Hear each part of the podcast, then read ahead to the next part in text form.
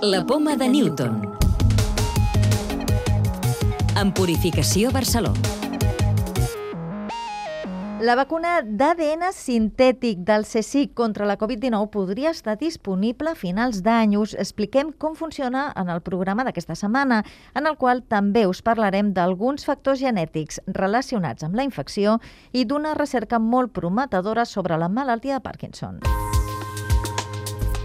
A finals d'any podria estar disponible una vacuna del CSIC que està demostrant en animals una alta efectivitat contra el virus d'un 60%.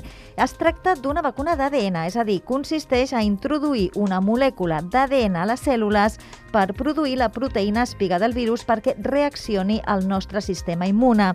La tecnologia la fa molt estable a temperatura ambient i molt segura, com explica Vicente Larraga, responsable del projecte. No hay ningún peligro. Esas moléculas de ADN no se integran nunca en el genoma de, del animal al que se protege. Eso lo sabemos muy bien y pasa lo mismo con los humanos. Los efectos secundarios que están mostrando las de Pfizer y Moderna no es tanto debido al ARN, sino a las moléculas que acompañan para mantener la estabilidad de ese ARN. En nuestro caso, no deberían haber grandes efectos secundarios. Desde luego, los perros no han dado bueno, ni siquiera un pequeño enrojecimiento en la zona de la, de la inyección. El ARN tiene que transportarse a temperaturas muy bajas. Nosotros usamos una molécula que hace la misma función, pero que es muy estable. Entonces se podrá distribuir a temperatura ambiente durante varios meses tiene una ventaja adicional y es que es muy flexible. Quiere decir, si se produjera una cepa del virus que no les sirvían las vacunas anteriores, modificar esta vacuna lleva muy poco tiempo en términos de, de fabricación, que podría ser un mes y se puede hacer una vacuna para la cepa de la que se trate. A banda d'aquesta vacuna, el CSIC n'ha estat desenvolupant dues més. Una basada en l'estratègia que va acabar amb la varola i una altra que consisteix a atenuar el SARS-CoV-2 genoma a genoma. També us expliquem que el Regne Unit ha autoritzat el primer estudi anticovid infectant gent sana. Hi participen voluntaris d'entre 18 i 30 anys, un tram d'edat considerat de risc baix, als quals s'infecten mostres de coronavirus i després els tracta amb vacunes i fàrmacs. Andrew Catchpole és el responsable de la recerca.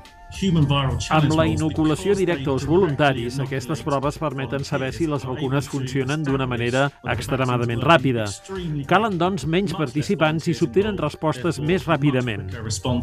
Una variant genètica antiga d'origen neandertal augmentaria entre dues i quatre vegades les possibilitats de tenir complicacions greus de la Covid-19. La variant neandertal està present en fins un 4% de la població d'Europa i Àsia i ajudaria el virus a penetrar en les cèl·lules amb més facilitat.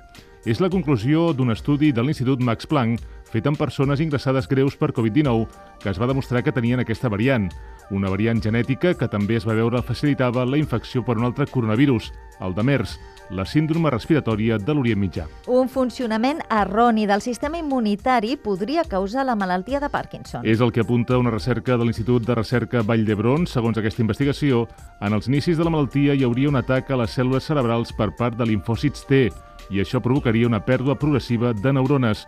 Ho explica Jordi Bové, responsable de la recerca. El nostre estudi indica que el sistema immunitari adaptatiu està al darrere de la mort neuronal que caracteritza la malaltia de Parkinson.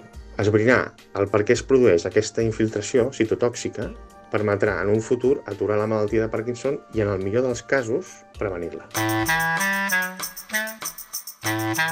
Llibres de ciència. Aquesta setmana us recomanem un llibre infantil que vol apassionar els infants amb els misteris de l'univers. Astromitos, de Carlos Pazos, és un llibre il·lustrat pel mateix autor que intenta respondre preguntes com ara per què molts astres tenen noms de déus i deesses, quina temperatura té Venus o què hi ha més enllà de Plutó. A les seves pàgines, els petits descobriran, per exemple, que Mercuri pot tenir sortides de sol dobles, que la Lluna es va formar per l'impacte d'un petit planeta o que a Neptú els vents poden superar els 2.400 km per hora. Tot plegat explicat amb un llenguatge accessible pels infants amb l'objectiu d'acostar-los una mica més a la ciència, en aquest cas, a la recerca espacial. La clau de volta. Per què és important haver aconseguit fer volar un petit dron a Mart? José Antonio Rodríguez Manfredi, investigador de la missió Perseverance de la NASA. Si podemos madurar ¿no? esa tecnología para volar en otros planetas, como por ejemplo Marte, pues podríamos recorrer largas distancias, de modo que la exploración del planeta se haría mucho más eficiente. En el futuro, además, también con las futuras misiones tripuladas, con, con las tripulaciones humanas explorando la superficie del planeta, también nos puede servir de avanzadilla para identificar sitios donde poder movernos. ¿no?